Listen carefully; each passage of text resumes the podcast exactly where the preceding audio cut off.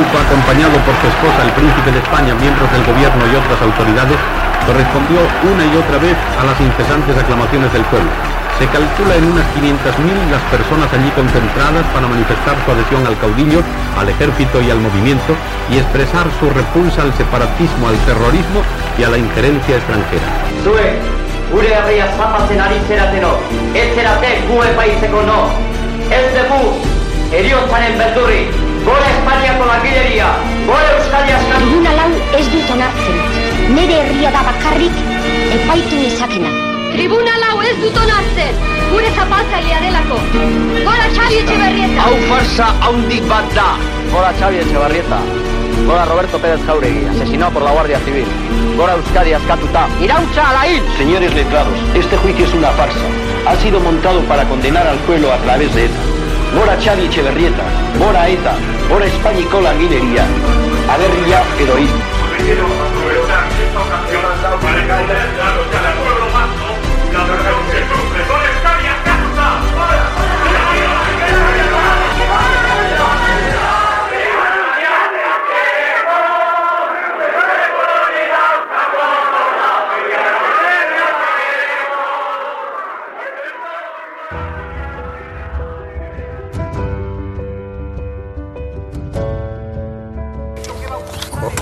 Euskadi askatuta. Eso lo escucho, ¿no?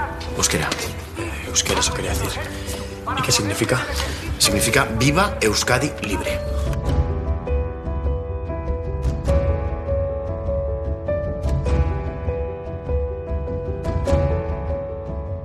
Burgosko auzia, naiz irratia, hirugarren atala.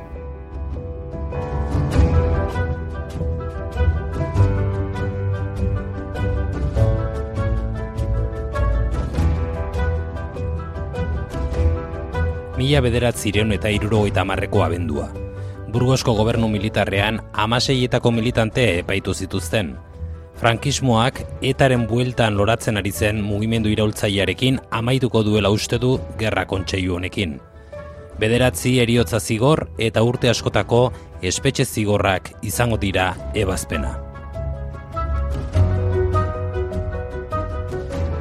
Baina ordura arte ikusi gabeko elkartasun uholdea sortuko da Euskal Herrian, Espainiako estatuan, Europan eta munduan.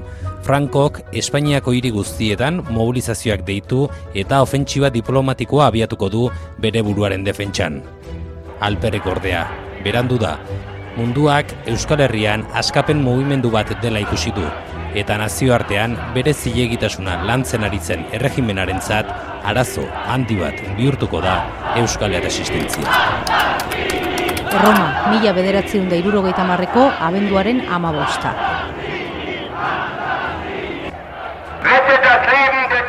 Berlin. Franco merda! Franco merda! Franco merda! Franco merda! Paris.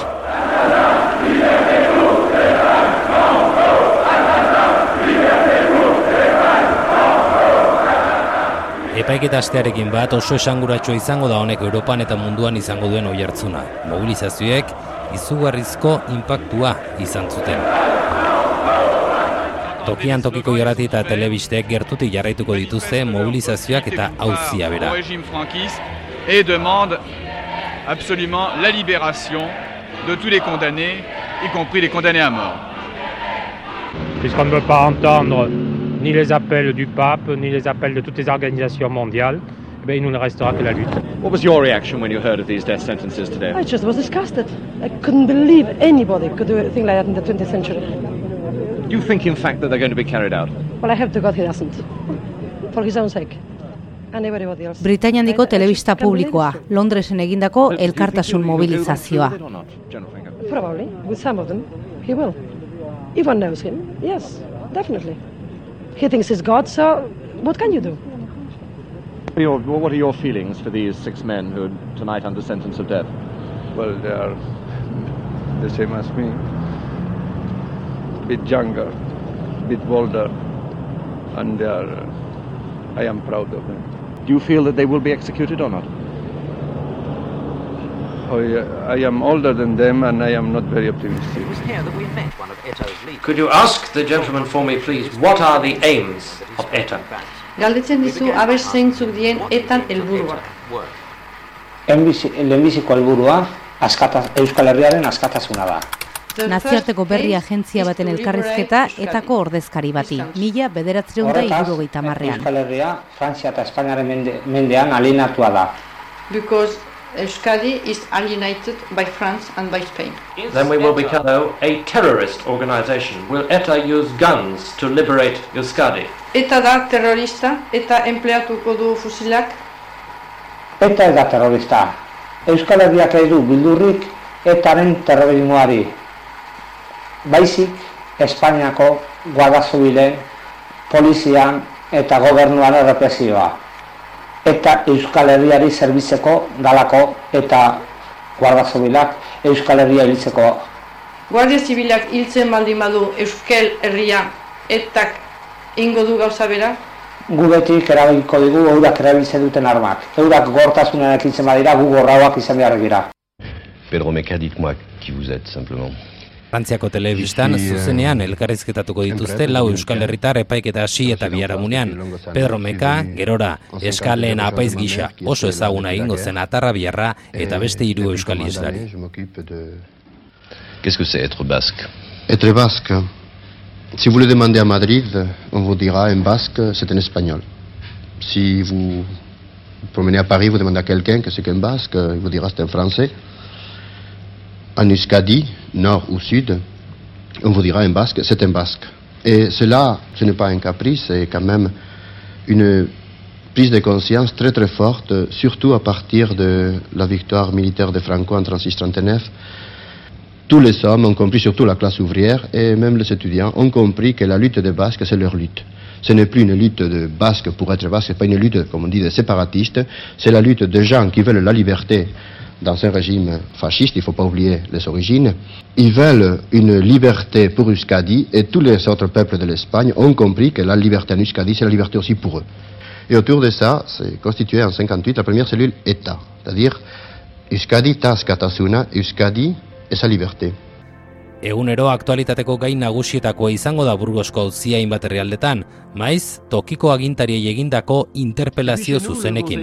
Leo Hamon, Frantziako gobernuaren bozeramalea garai hartan. Ce que monsieur Léo Hamon, le porte-parole du gouvernement, a répondu à Roger Giquel lorsque celui-ci lui a demandé pourquoi la France était restée silencieuse. Le gouvernement n'a pas à rendre publique l'action qu'il mène dans un domaine où cette action n'est inspirée que de considérations humanitaires. La discrétion s'impose à l'action d'un gouvernement, à la fois en raison des règles internationales et aussi de la recherche de l'efficacité dans les démarches faites.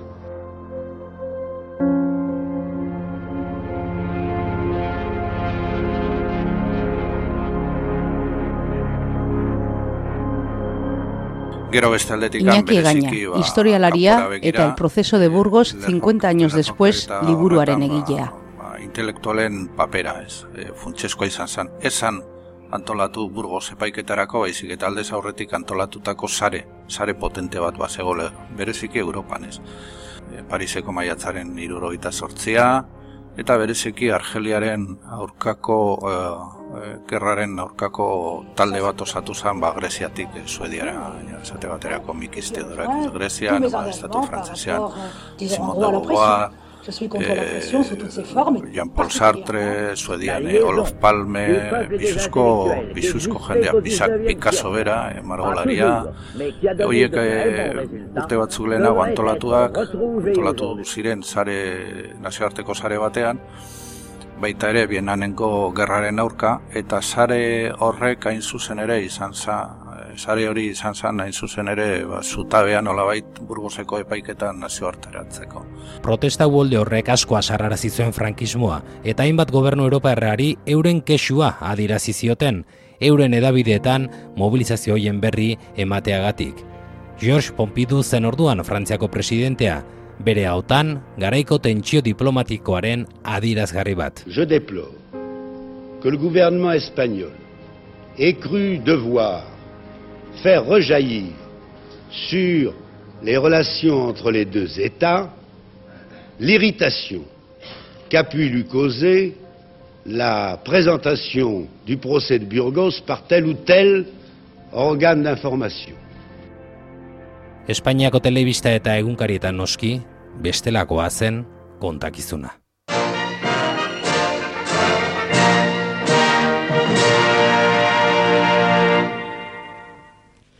En España se pone cada vez más de manifiesto la conducta solidaria de organismos, instituciones y personas que manifiestan su confianza plena en la justicia y condenan todo lo que pueda menoscabar la unidad entre los hombres y las tierras de España.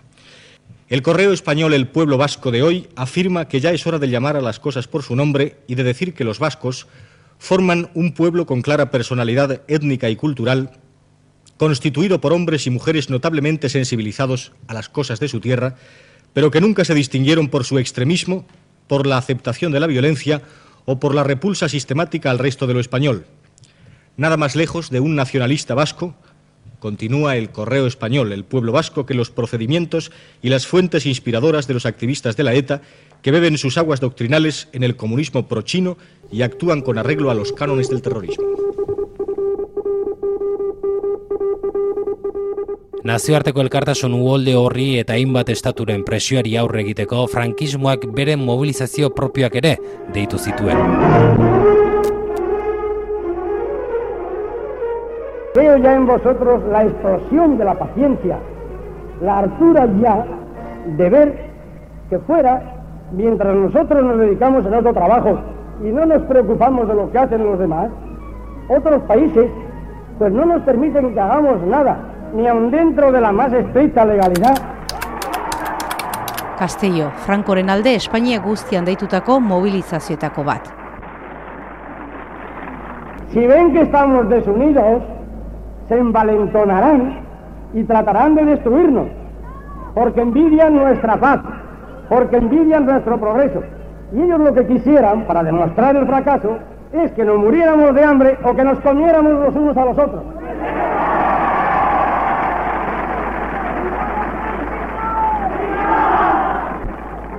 que lo que quieren es que se vaya Franco. Y repito, que Dios nos lo conserve muchos años con nuestro príncipe que seguirá sus huellas. Las condiciones que concurren en la persona del príncipe son Juan Carlos de Borbón y Borbón. He decidido proponerle a la patria como mi sucesor. Madrilen izan zen mobilizazio nagusia, Franco beraburu eta alboan Espainiako urrengo errege izango zena. Franco, acompañado por su esposa, el príncipe de España, miembros del gobierno y otras autoridades, correspondió una y otra vez a las incesantes aclamaciones del pueblo. Se calcula en unas 500.000 las personas allí concentradas para manifestar su adhesión al caudillo, al ejército y al movimiento y expresar su repulsa al separatismo, al terrorismo y a la injerencia extranjera. Dagoeneko ordea, urte gutxian, erregimena botaraziko zuen presioa nabari zuen Frankok, kanpotik eta barrutik. Arlo diplomatikoa importantea izan zen, amabi bat estatu eskatu zituztelako kondenaren e, bertan bera ustea, gero mobilizapenak, eta e, lehen aipatu duan bezala mobilizapenak e, iai Europako toki askotan, hiri nagusietan, behintzat, eta gero estaldetikan intelektualen mugida intelektualen mugida nabarbu eh, detaietxo bat, eh, nabarbu bat, eh, Picasso garai horretan inauguratu behar zuen bere Bartzelonako musea eta esan azaldu horregatik eh, burguzeko epaiketaren eta Picasso Picasso handia esan garai horretan eh, Espainiaren eh, irudia nolabait eh, lehuntzeko, ez? Espainiako hainbat hiritan ere mobilizazio garrantzitsuak izan ziren eta ezkerrak etarekiko eta euskal askapen prozesuarekiko elkartasun keinu garrantzitsuak egin zituen. Espainiako telebista publikoa, Cuéntame telesaia, Burgosko auziaren inguruko atala. Mira lo que dice Santiago Carrillo. Mira, habla de los implicados en el proceso de Burgos. Dice, esos muchachos no son enemigos de España. Son jóvenes nacionalistas que quieren la libertad de su país. Esa libertad no es incompatible con la existencia de un Estado español. Claro que no, ¿cómo va a ser incompatible? España no será enteramente libre mientras no lo sean igualmente Euskadi, Cataluña y Galicia. Es que es lo que queremos todos, una república federal. Los reclusos de Burgos no han atentado contra España. Han combatido un sistema político que combaten hoy todos los españoles que quieren el progreso, la libertad y el socialismo. Y a veces no estoy de acuerdo con lo que dice Santiago Carrillo, pero esta vez tiene razón. Gora Euskadi askatuta. Eso es vascuence, ¿no? Euskera. Eh, euskera, eso quería decir. ¿Y qué significa? Significa viva Euskadi libre.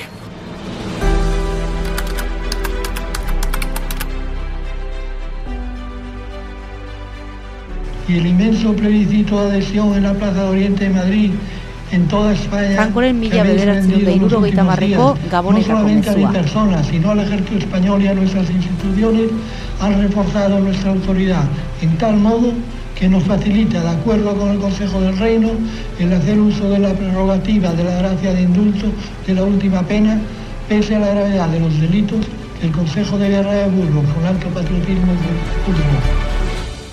Frankismoak hiru hamarkada eta erdiz mantendu zuen burbuian arrakala irekitzen ari zen Burgosko auzia.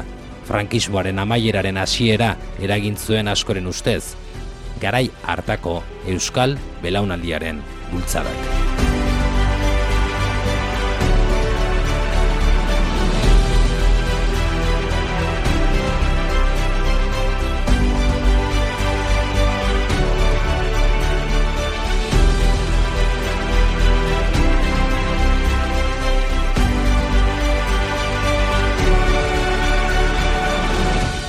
Burgosko auzia, naiz irratia, urrengo atalean,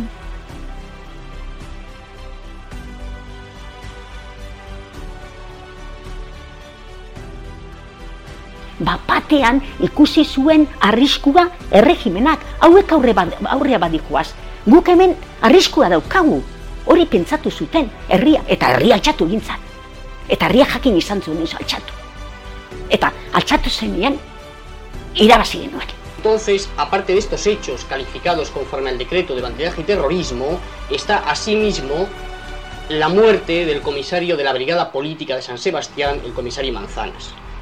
Creo que está claro que son unos hechos políticos y por lo tanto las opiniones de la opinión pública a nivel personal dependerán, claro es, de las opiniones políticas de cada uno.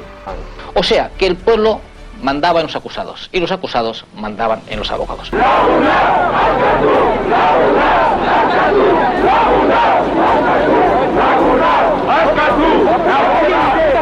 Franco e, e, irabazi zuenetik gerra, ondorengo erantzuna onelakurik etzan egon.